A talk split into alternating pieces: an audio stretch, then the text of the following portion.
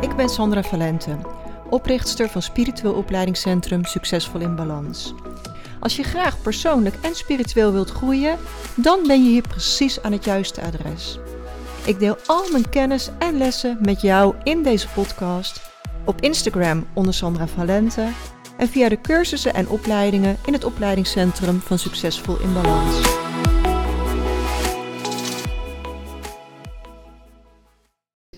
Welkom bij deze laatste podcast voor de zomerbreak. Podcast nummer 28, bewust naar jezelf kijken. Ik ga hierna heerlijk genieten van mijn zomervakantie. En in september start ik weer met de wekelijkse podcast.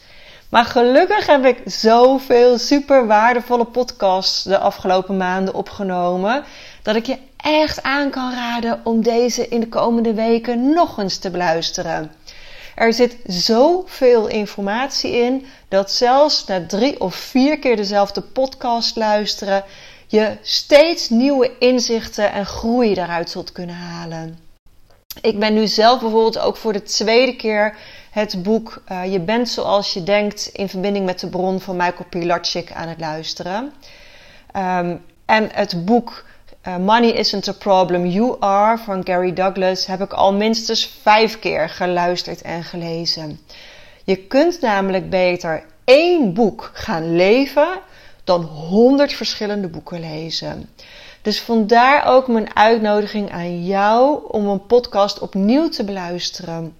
Zeker die onderwerpen waar jij op wilt groeien. Ja, luister die podcast elke week, leef de tips en zie dan hoe je leven verandert. Nou, vandaag wil ik het met je hebben over bewust naar jezelf kijken. Want we leven zo vaak op de automatische piloot. Uh, en door op de automatische piloot te handelen, voel je dus eigenlijk niet meer wat je nodig hebt. Uh, er zijn heel veel mensen die een soort van wandelend hoofd geworden zijn. Ze leven in hun hoofd en voelen de rest van hun lichaam niet meer, tenzij dat lichaam een flink pijnsignaal geeft.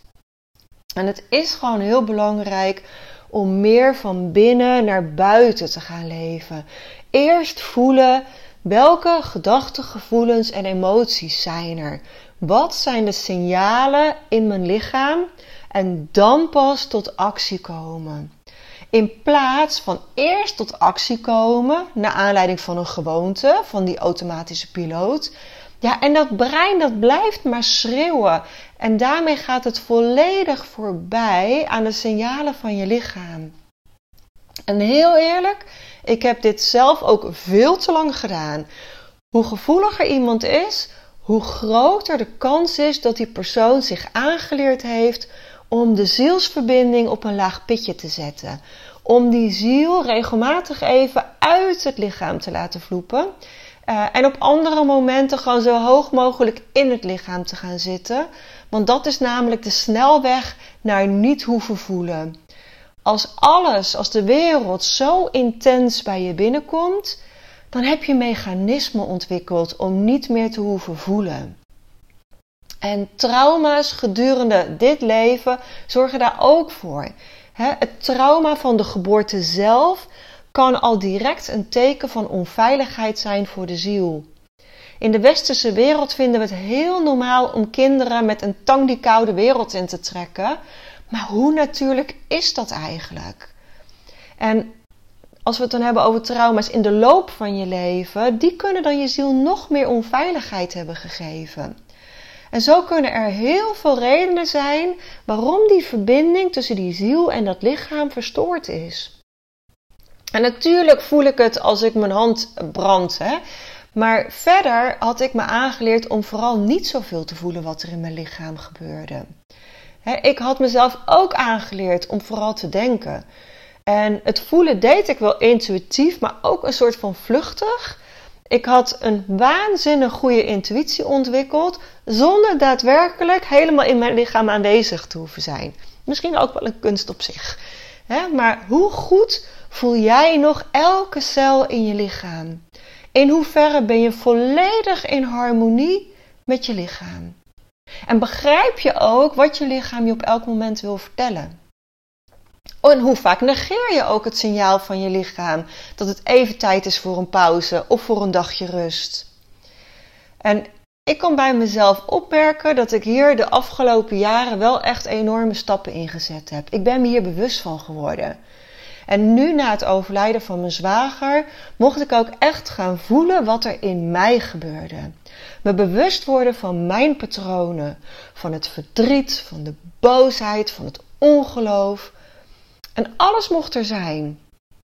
En dan nog, hè, hoeveel tijd mag je jezelf geven voor rouw? Ik heb ook echt heel bewust naar mijn eigen gevoelens en patronen kunnen kijken. En dat is zo verhelderend. En ik voel nog steeds dat er veel verdriet zit. En ik weet ook dat ik dit ruimte mag gaan geven. bewust naar jezelf kijken is naar jezelf kijken zonder er een oordeel over te hebben. Om alleen maar waar te nemen. Welke gedachten zijn er? Welke gevoelens zijn er? En waar voel ik dat in mijn lichaam? Want spiritueel leven betekent niet dat er nooit meer verdriet zal zijn. Of dat een uitdaging heel makkelijk zal worden. Want ook die heb ik voorbij zien komen de afgelopen tijd. dat ik tegen mezelf zei: Ja, San, je weet toch dat een overlijden het uitdoen is van een jas voor de ziel. Het lichaam wordt dan uitgetrokken als een soort jas en de ziel gaat terug naar huis. Maar zou dat het aardse verlies minder verdrietig mogen maken? Ja, misschien wel en misschien ook niet. Ik had wel een beetje de neiging om het goed te gaan praten. En ik voelde ook dat dat niet oké was. Het aardse verdriet mag er ook heel erg zijn. En probeer steeds vanuit het nu te voelen van wat voel ik nu echt. En terwijl ik deze podcast daar net aan het voorbereiden was, kreeg ik bijvoorbeeld de neiging om te gaan snoepen. Maar mijn brein weet, joh, je hebt ook net geluncht. Dus ik ging eens eventjes heel goed voelen in mijn lichaam. Van wat voel ik nou echt? En het bleek dorst te zijn. Want dorst en honger zitten heel erg naast elkaar, dat gevoel. En na een glas water was mijn behoefte om te gaan eten weg. Dus voelen wat je nodig hebt kan alleen in het nu. Wat ervaar je nu in je lichaam? Wat is de temperatuur om je heen? Wat hoor je? Wat zie je? Wat voel je van binnen? Deze oefening helpt je om in het nu te komen en om te voelen wat je nodig hebt. Als je op zoek bent naar persoonlijke groei, vraag jezelf dan af: waar zou ik meer van willen in mijn leven? Wat geeft me plezier? Wat gaat me makkelijk af? Wat geeft me energie? En daartegenover, waar zou je minder van willen in je leven? Wat kost je energie? Wat verlaagt je trilling doordat je er bijvoorbeeld helemaal geen plezier in hebt? Je doet het vanuit gewoonte en niet vanuit plezier. En welke stappen kun je nu zetten om meer plezier in je leven te krijgen? Wat zijn je doelen? Alles wat jou blij maakt, zal je laten groeien. En de zomer is bij uitstek de tijd om jezelf dit soort vragen te gaan stellen. In de zomer zijn we veel meer buiten.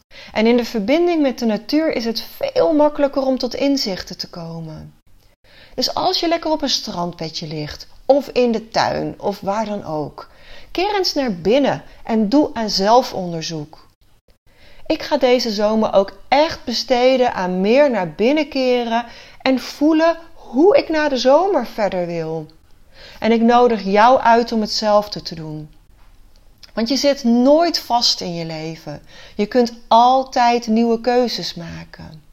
En nieuwe keuzes hebben consequenties. Maar accepteer die dan. een mooie vraag is altijd: hoe wil je dat jouw leven er over vijf jaar uitziet? En als dat te ver van je bed is, dan kun je er ook drie jaar van maken. Hoe wil ik dat mijn leven er over drie jaar uitziet? Mensen overschatten altijd wat er in een maand mogelijk is, maar onderschatten altijd wat er in een jaar mogelijk is. Dat wat nu onmogelijk lijkt, kan over een jaar werkelijkheid zijn als je nu begint met kleine stappen zetten. En wat nou als alles mogelijk was? Als tijd en geld geen rol speelden, wat zou je dan kiezen? En wat zou dat je brengen? Wie zou je dan zijn? En als het jouw ziel voedt, dan zal het hele universum tot je beschikking zijn en je steunen. want wensen dat je de jackpot wint is leuk, maar keer eens naar binnen. Wie ben je dan? Wat zou je dan anders doen? Hoe zou je je dan voelen? Want de ervaring leert dat iemand die vanuit schulden een jackpot wint, heel vaak binnen een paar jaar weer terug in de schulden zit. Ze maken al het geld op en hebben niets geleerd. En dat komt omdat ze niet naar hun patronen gekeken hebben. Ze niet bewust naar zichzelf gekeken hebben. Want pas als je volledig bewust met jezelf aan de slag gaat, dan kan je leven veranderen. En vaak moet je gewoon bewuste regie over je gedachten gaan nemen. Want elke gedachte is het zaadje van jouw tuin in je lichaam. negatieve gedachten brengen onkruid voort. Positieve gedachten brengen een prachtige bloeiende tuin voort. En ons brein is nu eenmaal negatief georiënteerd en we denken graag heel veel keer hetzelfde. Je brein wil je altijd veilig houden, of je dat nu gelukkig maakt of niet. Negatieve gedachten hebben een enorme invloed op het lichaam. Dus als je je down voelt, vraag je dan af: waar ben ik dankbaar voor? Wat is er mooi of goed in mijn leven? En kan ik dat ook in mijn lichaam voelen? En klop die negatieve gedachten weg met EFT of begin met positieve affirmaties op te zetten. Zet een muziekje op waar je blij van wordt en zing keihard mee. doe wat er voor nodig is om uit die negatieve spiraal te komen. Voel wat jij nodig hebt. En je bewust worden van jezelf vraagt om moed. De moed om ook je pijnpunten aan te kijken en deze om te draaien. En als je dit blijft doen, dan volgt het geluk moeiteloos. En dan ga je van binnen naar buiten leven. En laat je je niet meer beïnvloeden door de mensen of de situaties om je heen. Want wees eens eerlijk. Hoeveel invloed hebben mensen en situaties op jouw welzijn en op jouw geluksgevoel? En het is heel menselijk. Mensen zijn nu eenmaal kuddedieren. We trekken ons aan wat die ander zegt of doet. Maar wat nou als dat helemaal niets over jou zegt? Dat iedereen alleen maar handelt vanuit zijn eigen patronen, vanuit zijn eigen visie. En dat dat helemaal niets over jou zegt. Dat we mogen leren om die meningen steeds meer los te laten. En naar binnen te keren met de vraag: wat voel ik nu? Wat heb ik nu nodig?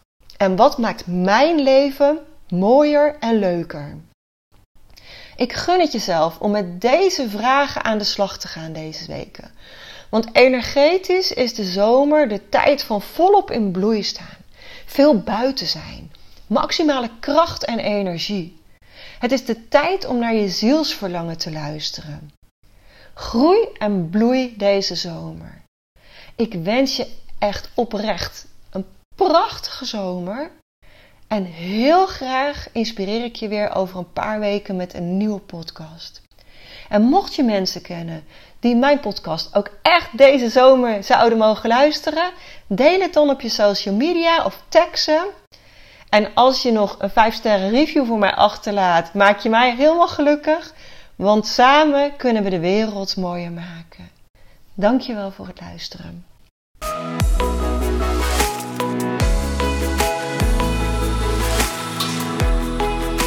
Als je meer wilt lezen over de cursussen en opleidingen die we in het Spiritueel Opleidingscentrum geven, ga dan naar www.succesvolinbalans.nl.